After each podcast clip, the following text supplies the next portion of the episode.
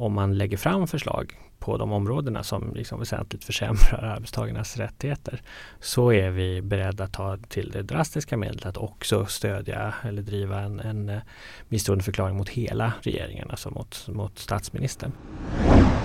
Du lyssnar på Samhällsvetarpodden med mig Ursula Berge. Idag ska vi prata om Vänsterpartiet och arbetsmarknadspolitiken.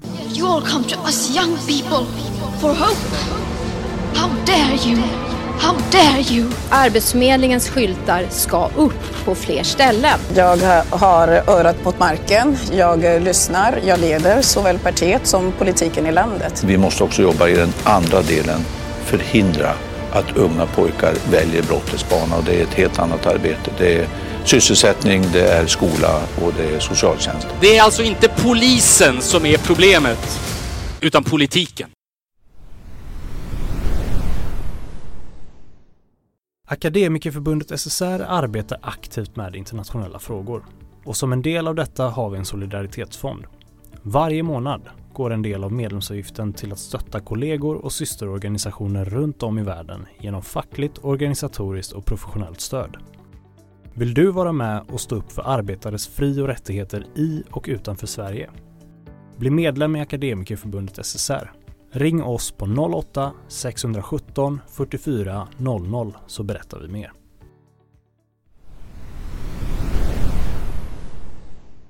Hej och välkomna till Samhällsvetarpodden som leds av mig Ursula Berge, samhällspolitisk chef på Akademikerförbundet SSR. Vår gäst idag är Ali Esbati som är riksdagsledamot för Vänsterpartiet och sitter i arbetsmarknadsutskottet.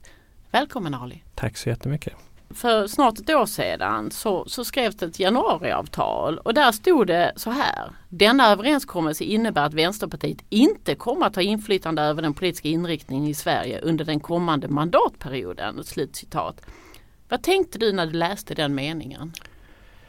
Alltså jag läste ju den tillsammans med resten av eh, januariavtalet och, och eh, det är ju ett väldigt eh, dåligt avtal innehållsmässigt. Så den där punkten är liksom mera lite pricken över, över i och, ehm, och det är ju ett av många skäl till att vi när vi till sist landade på att rösta gult för eh, Stefan Löfven som statsminister, det vill säga acceptera att han kunde eh, bilda eh, regering.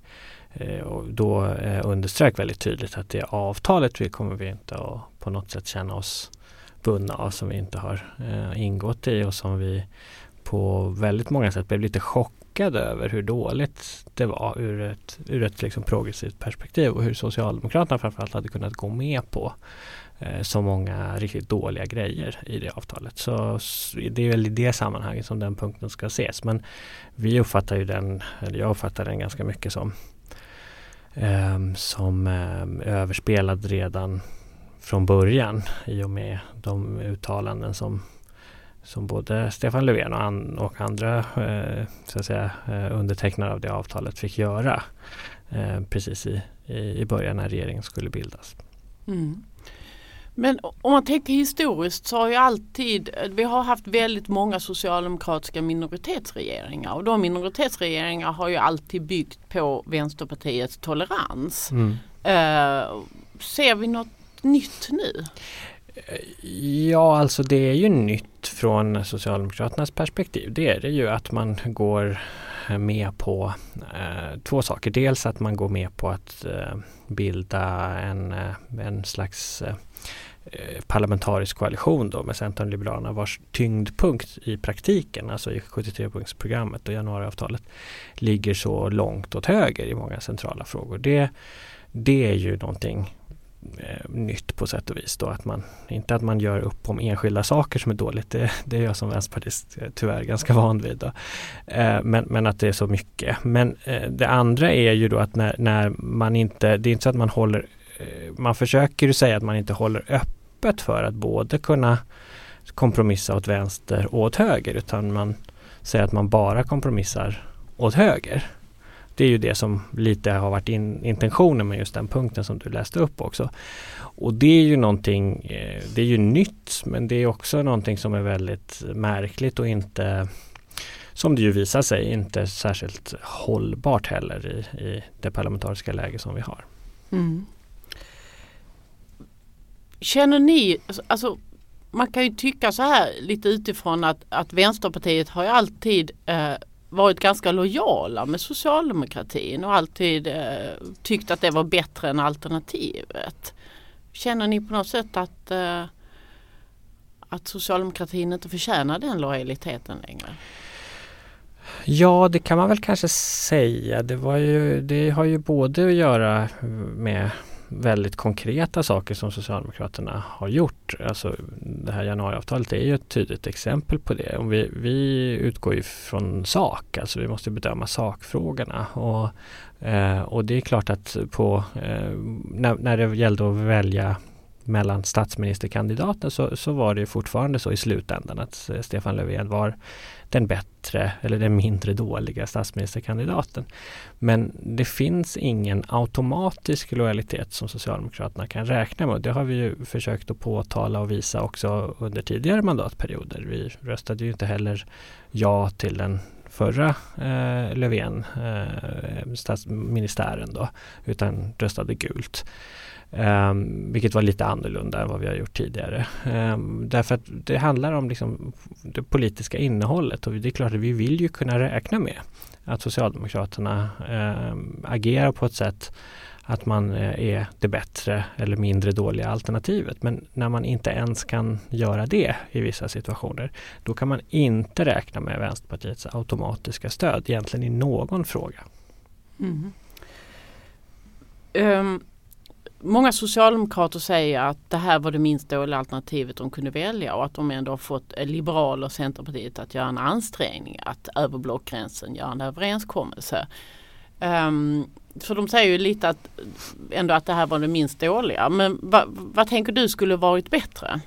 Nej men eh, alltså eh, den parlamentariska situationen vi har idag den är ju på, på en del sätt helt lik den som vi hade förra mandatperioden. Det vill säga vi har rödgröna partier som är större än det som tidigare var den borgerliga alliansen och som gick till val för att man ville regera tillsammans. Eh, det gick inte. Eh, de fick färre mandat också den här gången. Men det som är nytt det är ju att eh, det finns delar eh, av den tidigare borgerliga alliansen som är beredda att ge Sverigedemokraterna en annan roll. Och där, eh, där står vi. Det, det, har förändrat det politiska landskapet. Det har det gjort. Eh, men om man nu ska se att okej, okay, vi vill undvika att ha en regering som baserar sig på Sverigedemokraternas eh, stöd eller där Sverigedemokraterna ingår. Då har vi en, slags, en annan sorts majoritet då som man kan hävda och den finns i Sveriges riksdag. Och den består då i så fall av Socialdemokraterna, Eh, Miljöpartiet, Centern, Liberalerna och Vänsterpartiet. Annars finns inte den majoriteten. Och det är det politiska läge som man behöver eh, utgå ifrån. Om man då säger att eh, ja men då måste ju innehållet i den politiken som uttrycks genom den majoriteten vara någon slags kompromiss så säger jag fine, det är klart att så kan det vara. Men då kan inte den eh, kompromissen börja med att eh, det som är vänstern och som krävs för att den här majoriteten ska finnas räknas bort och helt baseras på Ehm, att Socialdemokraterna samarbetar högerut. Och dessutom på ett sådant sätt att det är viktiga frågor är nästan oigenkännligt att det ens ingår socialdemokrater i den regeringskoalitionen. Det är klart att vi kommer att opponera oss mot den politiken. Mm. Jag tänkte vi skulle gå in på två saker som är väldigt tydligt formulerade i januariavtalet och som vi i fackföreningsrörelsen ibland försökte rent texttolka och knappt förstå vad det står ibland. Och det är ju, mm, så vi tänkte gå in på arbetsrätten mm. och arbetsförmedlingen. Mm. Två otroligt aktuella frågor. Jag tänkte faktiskt börja med arbetsrätten. Ja. Uh, och där finns det en punkt som heter 20 där det står att den ska moderniseras. Vad nu modernitet är, det, kan man ju mm. hålla ett helt seminarium om mm. förmodligen.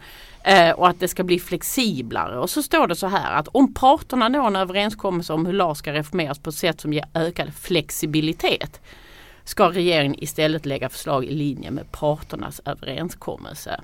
Det här är ett exempel på någonting vi har sett flera gånger nu här på sistone. Det vill säga att man driver politik genom att tvinga parterna att förhandla lite under galgen. Och nu har vi sett det vad det gäller det som heter inträdesjobb och blev etableringsjobb. Och vi har sett det med strejkrätten. Och nu är det arbetsrätten. Vad tänker du runt den politiska strategin generellt? Nej, den tycker jag är, är, är väldigt problematisk och är, därför att eh, det har ju i de här fallen har det ju framförallt varit arbetstagarsidan i och för sig då som har varit lite eh, gisslan. Men ehm, eh, men generellt sett så kan man väl säga att det är jättebra om man har eh, politiska lösningar där eh, detaljer som rör, eller också viktiga saker som rör arbetsmarknaden är upp till parterna att bestämma utformningen av. Men det är också alltid så redan idag och, i alla möjliga konstellationer som man kan tänka sig där den svenska modellen vidareförs. Är det ju ändå så att det finns en lagstiftning i, i botten eller en bottenplatta eh, på vilken man sen eh, förhandlar om, om eh, olika lösningar från, eh, från parternas sida. Så jag tycker det är jättebra om parterna involveras väldigt djupt i utformningen av, eh, av olika eh, frågeställningar som rör eh, arbetsmarknaden. Men det är ju inte rimligt att man säger att ni måste eh, förhandla för att få fram ett visst resultat som vi i förväg har, eh, har skisserat eller bestämt. Det blir ju inte en, en förhandling som då utgår från, från parternas ställning utan det är en annan typ av, eh, av förhandling som eh, inte eh, tror jag funkar särskilt bra egentligen. I det här fallet då när det gäller arbetsrätten så, eh, så är det ju Alltså det är väldigt väsentliga frågor för hur Sverige ska se ut som, som samhälle. Eh, och eh, att eh, bara det att man använder ordet flexibel där till exempel är ju intressant därför att menar, flexibilitet betyder ju eh, böjlighet eller anpasslighet och det är klart att den centrala frågan är då vem är det som ska böja sig eh, och anpassa sig och, eh, och, i vilka situationer. Här eh, är det ju eh, nog så att eh, Eh, många uppfattar det som att det är eh, självklart att det är arbetstagarsidan som ska vara, eh, anpassa sig och böja sig eh, till arbetsgivarnas eh, krav eller behov. Och, och, det menar vi, det är ju allt annat än att modernisera arbetsrätten i så fall. Alltså vi har ju under lång tid varit, och naturligtvis inte ensamma heller om, att säga att arbetsrätten behöver moderniseras, det vill säga att vi behöver ha eh, Eh, mycket eh, bättre regelverk för att hantera en del reella problem på arbetsmarknaden. I det här fallet då eh, så har vi ju sett en enorm ökning av osäkerhet på arbetsmarknaden. Alltså antalet osäkra anställningar har ju ökat något men framförallt är det Eh, är det osäkerheten i de osäkra anställningarna som har ökat, eh, särskilt inom vissa branscher men generellt på arbetsmarknaden. Vi vet vilka typer av sociala, ekonomiska, psykologiska effekter som det ger. Eh, det skulle en, en eh, modern eh, eh statsmakt försöka liksom bidra till att lösa. Att, att eh, på det sättet som man gör nu säga att eh, ja, vi ska liksom göra arbetskraften ännu mer flexibel sett från arbetsgivarens synvinkel. Eh, det, är, det är bara inte acceptabelt och det är något som jag menar att varje arbetstagarorganisation, varje facklig organisation med självaktning i slutändan kommer behöva ta strid mot snarare än att medverka till. Mm. Och eh, som sagt det står ju inte eh, att det i januariavtalet sånt som att flexibilitet är till exempel att få bort delade turer eller eh, det ska inte vara för mycket gigekonomi eller något liknande. Det står ju Ja, som sagt man, man får lite intryck när man läser januariavtalet att det drar åt ett speciellt håll. Ja, uh. ja och det drar ju åt ett håll där um, eh, framförallt Centerpartiet och småliberalerna små Liberalerna har varit och, och liksom vevat eh, under, under senare tid och väldigt mycket det som delar av, av eh, liksom den organiserade högern eller sidan har, eh, har eh, pratat om under en tid. Ganska framgångsrikt men med, alltså att, att Sverige har en så stel arbetsmarknad, det är så svårt att säga upp människor och så. Det stämmer ju inte överens med, med fakta men det har ju varit väldigt, väldigt kraftig opinionsbildning eh, runt det. Eh, och, och, nu kommer det också in eh, i det politiska maskineriet väldigt eh, hårt genom det här eh, olycksaliga eh, avtalet skulle jag säga. Mm. Och för att rulla vidare där, så vad som har hänt efter januariavtalet det var ju att regeringen tillsatte en utredning i april som, som heter någonting av stilen en moderniserad arbetsrätt. Men där står det att, upp, citat, att uppsägningar ska fortsatt kräva saklig grund. Mm. Och, eh, och att man också ska utarbeta författningsförslag för tydligt utökade undantag från turordningsreglerna. Så där har man ju specificerat ett exempel på vad flexibilitet är för någonting. Mm. Mm. Hur reagerade du när du såg det där direktivet?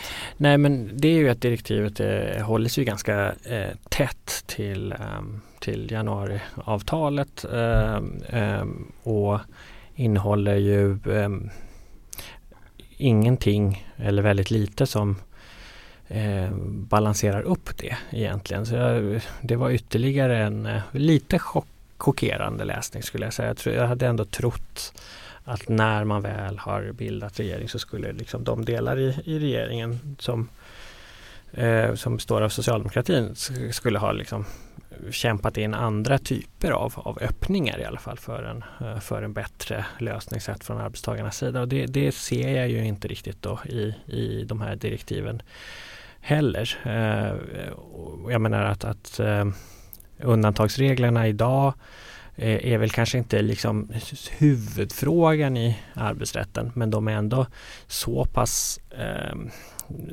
alltså, eh, arbetsgivarna har ändå väldigt stora möjligheter att välja och vraka eh, i, även i en arbetsbristsituation.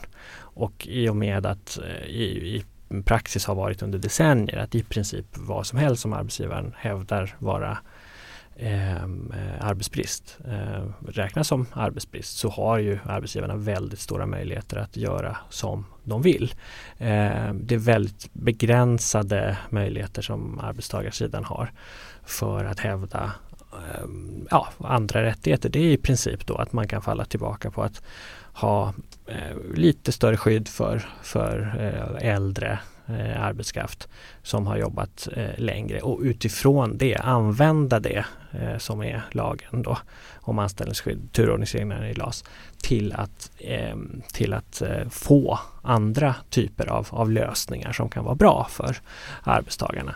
Eh, och det är ju det som är liksom nyckeln här. Varför har vi LAS egentligen? Eh, och eh, vad, eh, om vi nu tar bort de sista resterna av det som de ska ge arbetstagarna möjlighet att, att hävda något typ av kollektivt intresse för att skydda arbetstagarna i samband med eh, ja, organisationsförändringar eller nedskärningar. Eh, vad, vad, finns då kvar och vad får vi för typ av arbetsmarknad och samhälle då? Mm. Och den här utredningen ska ju rulla på till slutet på maj nästa år så att den rullar på och leds av en jurist. Men eh, parallellt så har ju då eh, LO, PTK och Svenskt Näringsliv, det vill säga parterna, förhandlat. Eh, och eh, vi spelar in det här måndagen den 16 december och imorgon tisdagen den 17 kan det komma en avsiktsförklaring då från, från de här parterna där de beskriver sitt alternativ till den här juristens förslag som kommer i maj. Eh, och flera LO-förbund och även andra sakerförbund har ju hoppat av. Och, och, och det, nyckeln här är saklig grund-begreppet.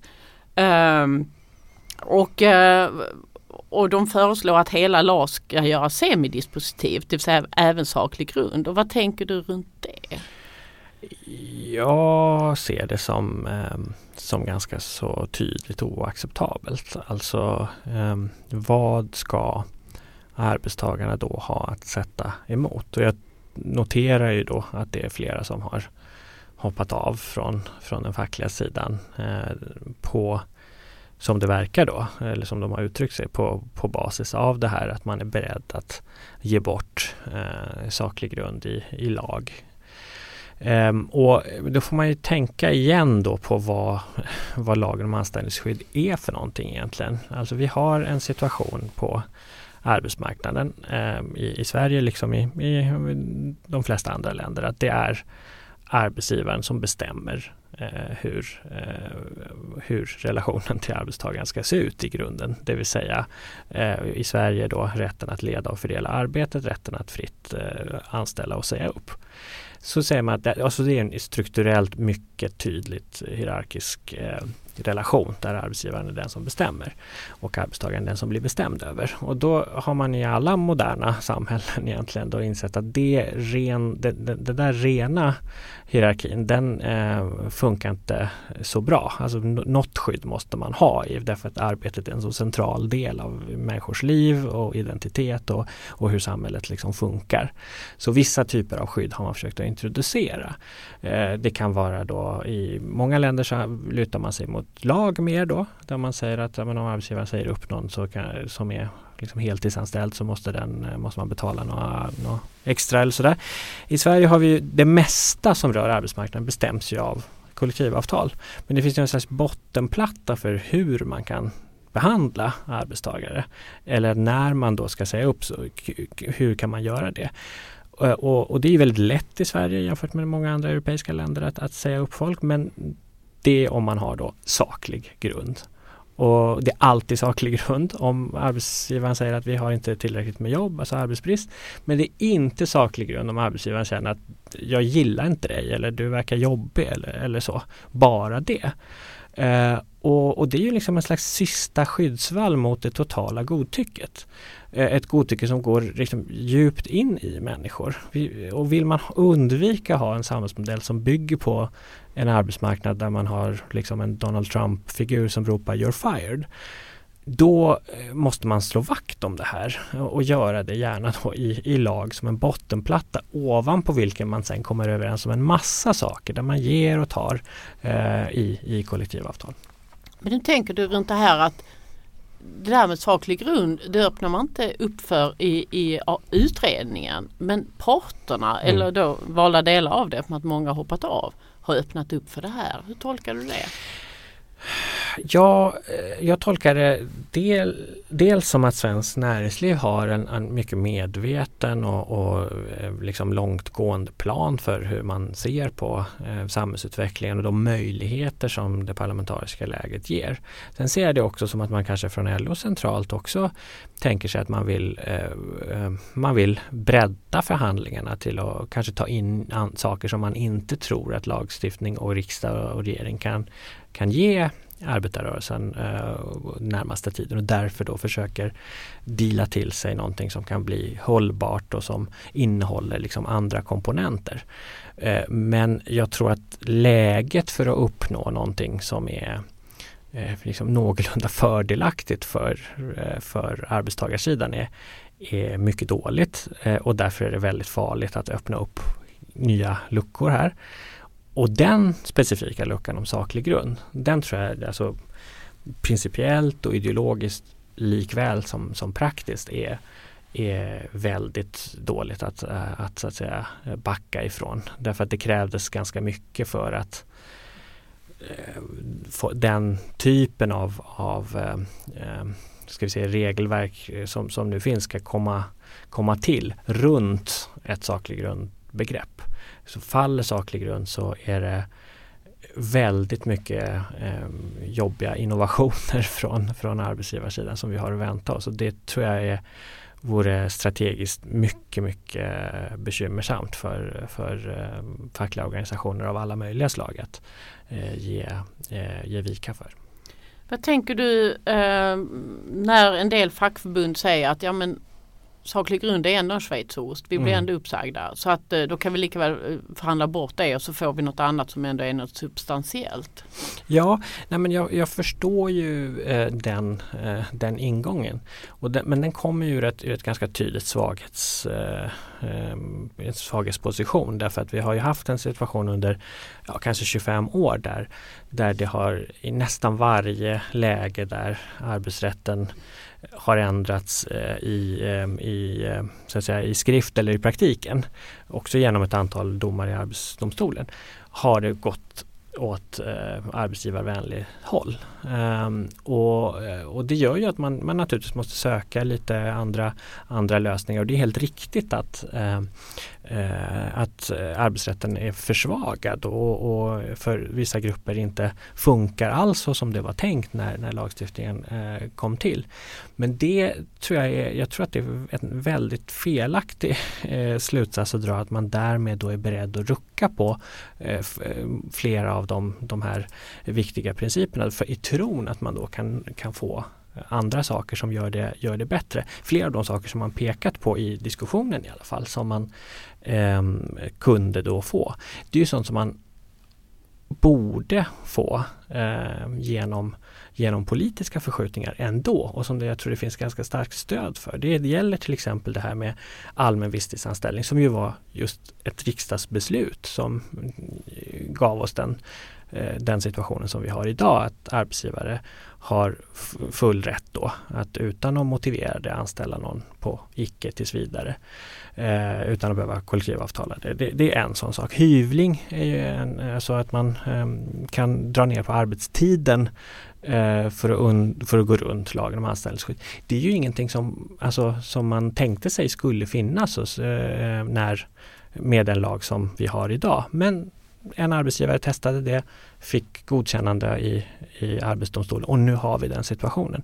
Det naturliga då är ju att säga ja men vi går tillbaka och ser var det här lagstiftarens intention? Om det inte var det, visst finns det nödvändighet att, att justera lagen då så att man inte behöver liksom sälja en massa saker för att få en rättighet som man borde ha från början. Så jag tror att man får resonera lite så också och se vad, vi, vad är vi i för, för läge? Vad skulle en eh, tillbakagång från vissa ändå bastioner eh, i Försvarsverket leda till? Har vi möjligheter att byta dem mot någonting annat i realiteten? Och är det rimligt att, att gå den vägen istället för att, eh, för att försöka täcka upp de, de hål som, som finns på, eh, på, i lagstiftningen just genom justeringar i lagstiftningen. Mm. Om man ställer omställning mot arbetsrätt Finns det någonting du är beredd att offra av arbetsrätt för att få bättre omställning? jag ska väl inte stå, jag ska inte liksom proxyförhandla i en podd sådär men, men, men eh, jag tror ju att, eh, eh att man eh, absolut kan, kan i kollektivavtal eh, komma överens om mer av eh, stöd till omställning eh, och borde göra det kanske i, i, i, många situationer. Men då tänker jag mig sådär rent eh, eh liksom från ett eh, vid sidan perspektiv att det snarare då handlar om, om diskussioner runt, eh, runt löneutrymme än om om villkors och trygghetsfrågor. Därför att villkors och trygghetsfrågor idag är ju viktigare för många än vad de var tidigare. Eh, och eh, att dessutom då ge bort rättigheter i, eh, i, i lagstiftning tror jag är helt fel väg att gå. Jag tror att det är fel väg att gå också in i de flesta kollektivavtal faktiskt. Ehm, därför att de många eh, eftersträvar ju bättre villkor och tycker att det är en väldigt central fråga. Men det är klart att liksom eh, att ha som man har på många ställen kollektivavtalade lösningar för, för en slags flexibla samtal mellan arbetsgivare och arbetstagare om att lösa saker konkret utan att behöva, eh, behöva dra in liksom varken eh, massa eh, centrala eh, grejer eller, eh, eller, eller lag. Det är ju det är så det funkar på, på svensk arbetsmarknad på de flesta håll. Det kan säkert komma andra lösningar än, än idag i, i kollektivavtalen men att under hot om Eh, försämringar i lag eller i, i liksom grundläggande eh, trygghetsvillkor säga att eh, eh, ja, att, att, under det hotet då försöka få till lite mer omställningspengar eller omställningsorganisationer. Det, det tror jag inte på. Och sen så ska jag bara säga att, att eh, det är ju en viktig fråga till varför just man inte ska rucka på turordningsreglerna eh, mer än man har gjort idag. Därför att det är ju existensen av lagstadgade turordningsregler som ger möjlighet till eh, fackliga organisationer att utverka en del andra saker från arbetsgivaren mot att ge bort eh, den raka, eh, raka LAS-listan så att säga. Att, att, den som har jobbat längst är den som får, får eh, vara, vara kvar mest. Alltså det är ju det är så det funkar i praktiken. Det är grunden för mycket av det som är, är omställningsorganisationerna idag. Så vill man ha effektiva kollektivavtalade omställningslösningar. Då ska man inte gå på eh, de, eh, de rättigheter som arbetstagarna har eh, i form av, eh, alltså i form av LAS turordningar. Mm. Vi brukar säga i olika sammanhang att, att LAS och turordningen det är vårt enda förhandlingsutrymme. Ja, precis. um, Efter januariavtalet sa Vänsterpartiet att man var beredd att fälla regeringen på sina hjärtefrågor. Och Arbetsförmedlingen var ju uppenbarligen hjärtefråga för er och det kommer vi in på strax. Och arbetsrätten är ju en annan. Eh, är saklig grund något ni skulle kunna fälla regeringen på? Ja, alltså när det gäller arbetsrätten så var det ju en av de två så att säga, röda linjer som vi, som vi formulerade redan i samband med regeringens till, tillträde. Det, det var ju saker som vi Eh, utgick från att eh, eh, regeringen skulle så att säga värna oavsett vad, vad för konstigt man kom överens om. Eh, och när det nu ändå finns med i januariavtalet så har vi uttryckt det som att om man lägger fram förslag på de områdena som liksom väsentligt försämrar arbetstagarnas rättigheter så är vi beredda att ta till det drastiska medlet att också stödja eller driva en, en eh, misstroendeförklaring mot hela regeringen, alltså mot, mot statsministern. Eh, och eh, jag, har, jag kan inte säga idag exakt vad det, eh, vad det eh, är för saker som ska eh, finnas med eller inte finnas med. Men, men jag, jag har väldigt svårt att se att en, ett avskaffande av eh, saklig grund som, eh, som eh, grund för att, för att säga upp eh, människor skulle kunna vara överhuvudtaget i närheten av acceptabelt för, för oss. Mm. Men som läget är nu, nu, nu går ju de flesta av oss som fackförbund in i avtalsförhandlingar. Så, så det som har hänt nu rörande arbetsrätten och den avsiktsförklaring som kommer är väl ungefär det som, som kommer före jul och sen är vi upptagna av annat och sedan så kommer eh, den statliga utredningen i maj. Men det verkar som att ni har två rätt dåliga alternativ utifrån vänstersynpunkt att förhålla er till. När, alltså, vad tänker ni här och nu runt detta? Ja, eh, alltså du menar två alternativ i form av? Eh, ja, men det ena är en, en avsiktsförklaring om den ser mm. ut som det gör nu och det andra är ett, en statlig utredning som i och för sig inte öppnar upp för saklig grund men öppnar mm. upp för turordningsregler. Nej, alltså eh, vårt, eh, vårt arbete nu går ju ut på att eh, så att säga vara med i en, en bredare rörelse i samhället runt att uppmärksamma vikten av, av arbetsrätt. Att se till att folk som tycker så också kliver fram och säger det. Att det finns aktivitet politiskt och, och gärna då fackligt runt de här frågorna. Allt det här för att det ska ske en, en så att säga, reell, eh, ett reellt samhälleligt motstånd mot att de, de förslagen läggs fram. För vi vet ju att det är så att eh, vi, vi lever ju i, ett, i ett demokratiskt samhälle där det inte bara är att liksom lägga fram förslag och sen, och sen tänka att de, de går igenom för att man har mandaten i riksdagen. Eh, utan vi har ju dels möjligheten att, eh, att med eh, misstroende misstroendevapnet så att säga, sätta, eh, sätta hot i verket om det skulle krävas. Men eh, framförallt så vill vi ha en situation där man inser från regeringens sida att vi kan inte gå fram med vilket förslag som helst. Vi kan inte lägga fram ett förslag som innebär eh, dramatiska eh, försämringar för, för de människor som vi ändå eh, har sagt att vi eh, vill representera. Så det, det, är ett basarbete som, som eh, inleds nu eh, där det gäller att tjata om den här frågan och tjata om vikten av att vi har en fungerande arbetsrätt i Sverige. Så då är inget förslag alls bättre än de här två som de ser ut nu? Ja, självklart så föredrar vi en, att man inte förändrar arbetsrätten mot att man försämrar den. Verkar rimligt. Eh, Arbetsförmedlingen har ju varit på, på tapeten på alla möjliga olika sätt och ni ställde fem krav för att dra undan ert hot om misstroendeförklaring. Eh, är ni nöjda med vad regeringen kom med? Alltså nöjda är ju svårt att säga att vi, vi är. Vi har ju en situation med en, en eh, väldigt misshandlad myndighet och fortfarande väldigt stor osäkerhet. Det vi är nöjda med är ju att vi har eh, mobiliserat fram en, eh, en slags nödbroms. Och det var väl det egentligen som vi siktade mot. Alltså vi har ju, vi har ju haft jättestarka synpunkter om Arbetsförmedlingen under mycket lång tid. Inte ens sedan januariavtalet eh, kom till utan långt innan det också. Och eh, i samband med att eh, regeringen eh, skrev in det här med någon slags idé om en, en tokprivatisering av eller liksom kaotisk privatisering av Arbetsförmedlingen som ingen riktigt visste hur det skulle gå till så har vi fortsatt att tjata om den här frågan på alla sätt som är möjliga egentligen. I, i, vi har eh, begärt en särskild debatt i riksdagen. Vi har eh, lagt in pengar i vårt alternativa budget och påpekat varför vi behövde göra det. Vi har eh, skrivit debattartiklar. Vi har eh, eh till och med anmält regeringen till konstitutionsutskottet därför att det är en principiellt väldigt viktig fråga hur en regering agerar gentemot en, en så stor myndighet.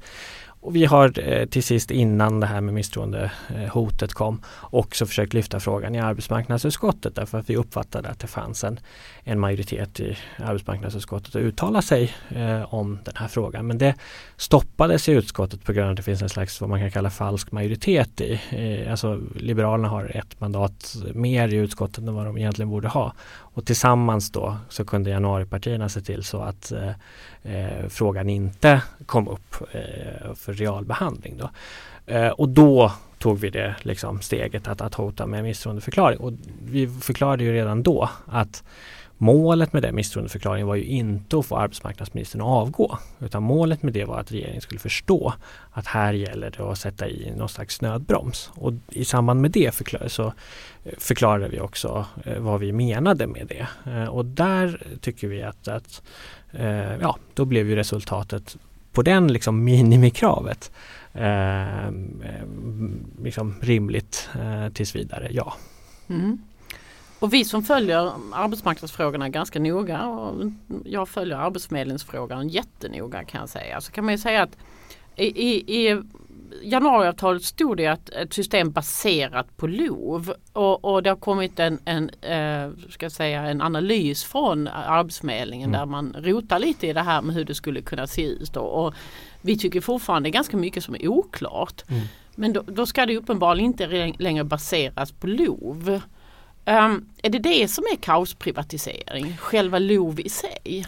Lagen om valfrihetssystem? Ja, men låt mig säga så här, för oss är det väldigt tydligt att hela idén om att jättemycket mer ska privatiseras eh, utan att man egentligen har så klart för sig vilka enorma problem som kan följa med det och hur det ska så att säga, lira med uppdraget att vara nationell arbetsförmedling. Eh, det är grundproblemet. Eh, så är det. Eh, det som är, gäller LOV eh, det är ju att det blir eh, ytterligare väldigt tydligt att om man har en slags eh, kundvalsmodell där friheten ges till de privata aktörerna och egentligen inte i någon betydande grad till de som ska ta del av den här tjänsten i praktiken. Då är det ju en ytterligare eh, en en börda för någon som försöker göra ett, ett system som funkar. Det vill säga eh, det är väldigt, väldigt dåligt att låsa sig till den här modellen med, med LOV. Eh, och därför hade vi med den som en slags minimipunkt. Och vi har också noterat då förstås att eh, både Moderaterna och Kristdemokraterna som tidigare har varit väldigt sådär lägg ner Arbetsförmedlingen, eh, tjoho, eh, har uttalat sig kritiskt. Då tänker vi att det här borde vi kunna få, få eh, en eh, Eh, få fler att, eh, att ställa sig bakom. Så vi har ju medvetet inte lagt fram något vänsterpartistiskt reformprogram för Arbetsförmedlingen. För det är, ju självklart att, att det skulle vi ju inte kunna räkna med att snabbt få ett brett stöd för. Eh, utan nu gällde det att få Eh, stöd för en slags kärnfrågor som gör att man kan undvika de största riskerna för en totalt kaotisk situation. Och då är ju LOV en viktig fråga och naturligtvis så är ju tidtabellen en annan viktig fråga. Så det är ju egentligen minst lika viktigt att, att man nu har sagt att man skjuter upp då som man säger då reformen i ett år. Eh, och det är ju också viktigt därför att under det året så räknar vi ju med att organisationer, människor som, som eh, ni då eh, och många andra som har goda eh, insikter i hur Arbetsförmedlingen funkar och vad behoven är kan kliva in ännu mer på banan och få, få säga eh, vad som är, är, problemen och vad som är eh, möjliga lösningar på de, på de problemen. Så att vi inte får en, en eh, jätte jättekonstig debatt som ska få, där, där förslag av mycket stor betydelse för många människor i Sverige ska forceras igenom trots att de flesta som, har, som fattar hur det funkar kan se att det här kommer inte gå bra. Om man um, tänker på LOV så jag kan slås ibland av att LOV-diskussionen handlat så mycket om, och du var inne lite på det, att handlar så mycket om valfrihet för själva leverantören. Precis. Men lagen om valfrihetssystem är ju i grunden en valfrihet för den arbetssökande att göra olika val. Varför tror du det har blivit sån konstig slagsida?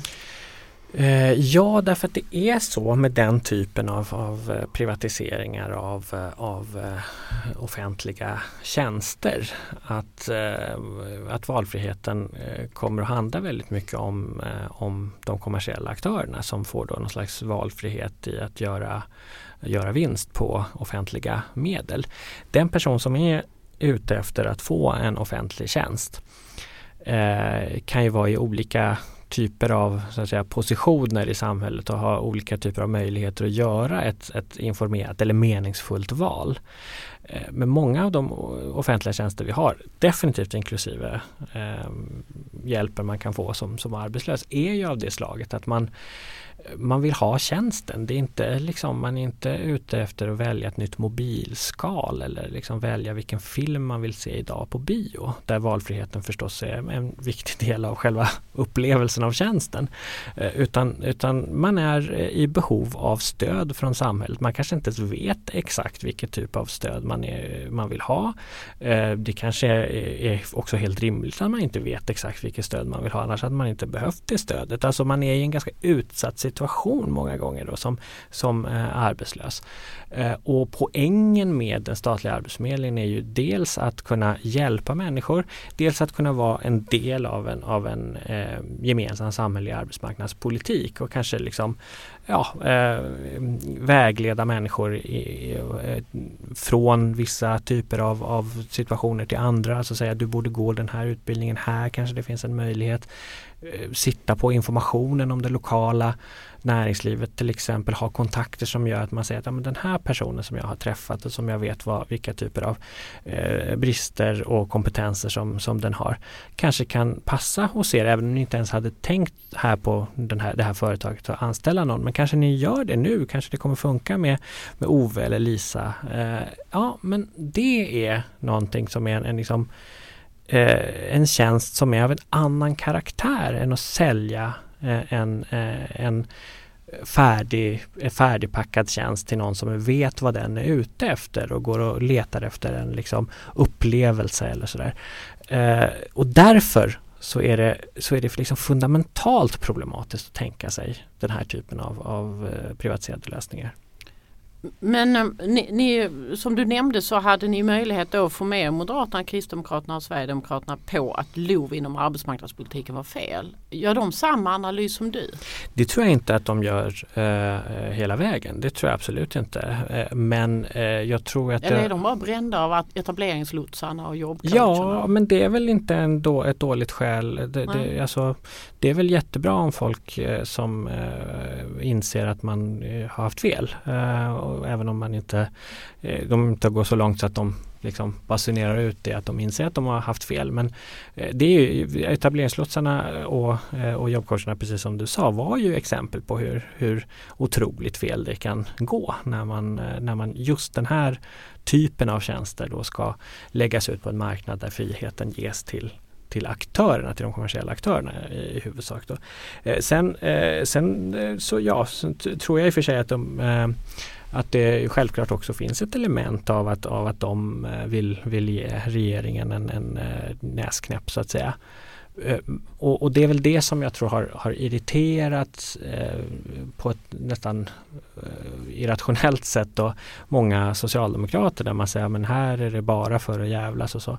Men jag kan ju vara väldigt tydlig med att vi har ju liksom följt den här frågan och drivit politik med den här frågan under, under lång tid. Och det här ska inte tas som intäkt för att vi kommer att hitta på några frågor där vi vill jävlas med regeringen genom att bilda eh, allianser med, med högern.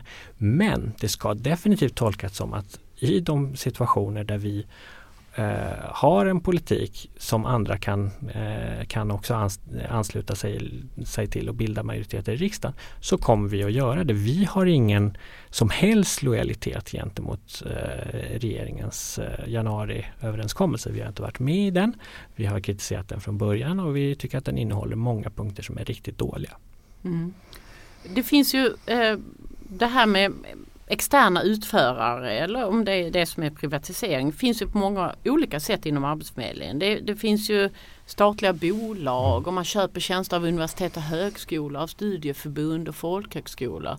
Det är också någon form av privat verksamhet mm. av arbetsmarknadstjänster. Alltså hur, hur ser ni på det i den här kaosprivatiseringsdebatten? Ja, precis. Nej men jag, jag tror att det finns all, alla möjliga eh, situationer där man kan tänka sig att Arbetsförmedlingen eh, så att säga, ingår avtal med eller köper tjänster av, av, externa aktörer. Jag skulle vilja att det var mindre än det var idag för det, det har, har ju varit en ganska stor eh, grej eh, sen Reinfeldt-regeringen egentligen då där man nästan tvångsmässigt då pressade på mer av, av, eh, av upphandlingsverksamhet på eh, Arbetsförmedlingen. Jag tror att man har ganska mycket information eh, egentligen på Arbetsförmedlingen som eh, eh som gör att man skulle kunna renodla det där lite mer. Eh, men det är, en annan, det är lite en annan frågeställning även om det går ihop med, med, med den här situationen idag. Jag, så att mitt svar är ja, jag tror absolut att det finns liksom utbildningar eller specifika tjänster där man från Arbetsförmedlingens sida kan eh, också i, i, den arbetsförmedling som jag skulle önska fanns kan tänka sig att vi, det här är bra, vi behöver fler som går den här utbildningen eller vi behöver använda oss av, av tjänster som redan finns på en etablerad marknad och vi köper in det. Eh, eller, eller bildar eller genom avtal. Men till inte att, LOV eller aldrig LOV? Eh, nej, jag tror att LOV är feltänkt för den här typen av, eh, av eh, Men LOI, tjänster. inomstatliga köp, ja, bidrag? Ja, det tror jag. Även om, som sagt, jag, tror, jag skulle vilja att det var mindre än det var idag. För jag tror att det finns situationer idag där en del verksamhet verkligen borde vara, det, det görs så ofta eh, vissa saker inom Arbetsförmedlingen. Man vet att vi har, man har behov av det där man skulle göra det, kunna göra det inhouse så att säga, där det bara är onödigt mm. eh, och, och, förknippat med onödig byråkrati att, eh, att göra upphandling istället för att ha saker i, i, egen, egen regi. Och det tror jag gäller i, i offentlig verksamhet generellt. Vi har ju sett ganska många exempel på, på senare tid av, av ganska märkliga skandaler med upphandlingar. Det har ju varit eh, LOU då, eh, många gånger. Eh, där jag tror huvudproblemet har varit just att så här, varför ska den här tjänsten överhuvudtaget upphandlas? Det här borde vara självklart för eh, liksom regioners sjukvård att, att eh, säkra sin leverans av, av eh, mediciner på något sätt. Och varför lägger vi ut det överhuvudtaget på upphandling? Den typen av frågeställningar tror jag absolut borde liksom finnas i Arbetsförmedlingen också. Men om du menar att det är ingenting, jag ser det som att ingenting någonsin ska upphandlas eller, eller göras genom avtal för Arbetsförmedlingen. Nej, det, det, tycker jag inte. Det finns saker som andra gör bättre som Arbetsförmedlingen kan ha behov av att köpa in. Mm. Vi börjar eh, få ont om tid men jag tänkte ta en tidsfråga till på det och det är det här att ni har förhandlat det till ett år till mm. eh, eh, vad det gäller det här reformarbetet. När man tittar in i vad Arbetsförmedlingen håller på med så är mm. väldigt mycket inriktat på att de utgick ifrån att, att det mm. skulle bli en reformering baserad helt på LOV och väldigt många av pilotprojekten, mm. inte minst de forskningsbaserade, är helt baserade på LOV. Uh, vad ska den här tiden användas till nu? Ja, som jag var inne på tidigare, så dels så tror jag att, att liksom flera kloka aktörer behöver kliva in eh, i, och, och göra ett jobb här helt enkelt. Alltså Men vad ska Arbetsförmedlingen göra? Ska skutan svänga nu här? Ja, alltså jag eh, bara understryka att det är ju fortfarande regeringen som styr eh, riket och, och myndigheterna. Så det, det, är ju ett krav som måste ställas på regeringen att, så att säga, anpassa eh, sina direktiv till det nya, den nya situation som råder. Eh, så jag utgår utgår från att regeringen kommer att göra saker för att styra Arbetsförmedlingen bättre från en nästan icke-styrning som har varit under det här innevarande året.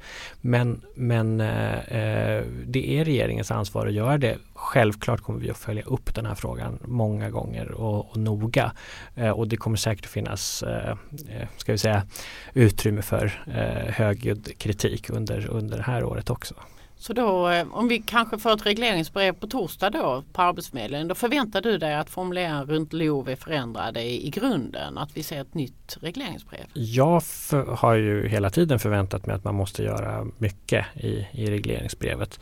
Så jag kommer att läsa det med stort, eh, stort intresse och så återkomma till, eh, till det efter, efter nyår antagligen. Då. Men, men ja, jag förväntat mig att, att regleringsbrevet har tagit intryck av den nya situationen som, eh, som råder och de eh, saker som regeringen själv har uttryckt offentligt eh, väldigt tydligt nämligen att LOV ska inte vara grunden för eh, den reformering som man ser framför sig och att man ska skjuta på det ett år. Och det menar skjuta på det ett år betyder ju rimligen inte bara att man säger att vi, vi håller för öronen i ett år och sen så eh, vaknar vi upp igen och kör på som vanligt utan man gör någonting under det året för att det här ska eh, bli lite bättre än den här mycket dåliga situation som regeringen har försatt Arbetsförmedlingen i.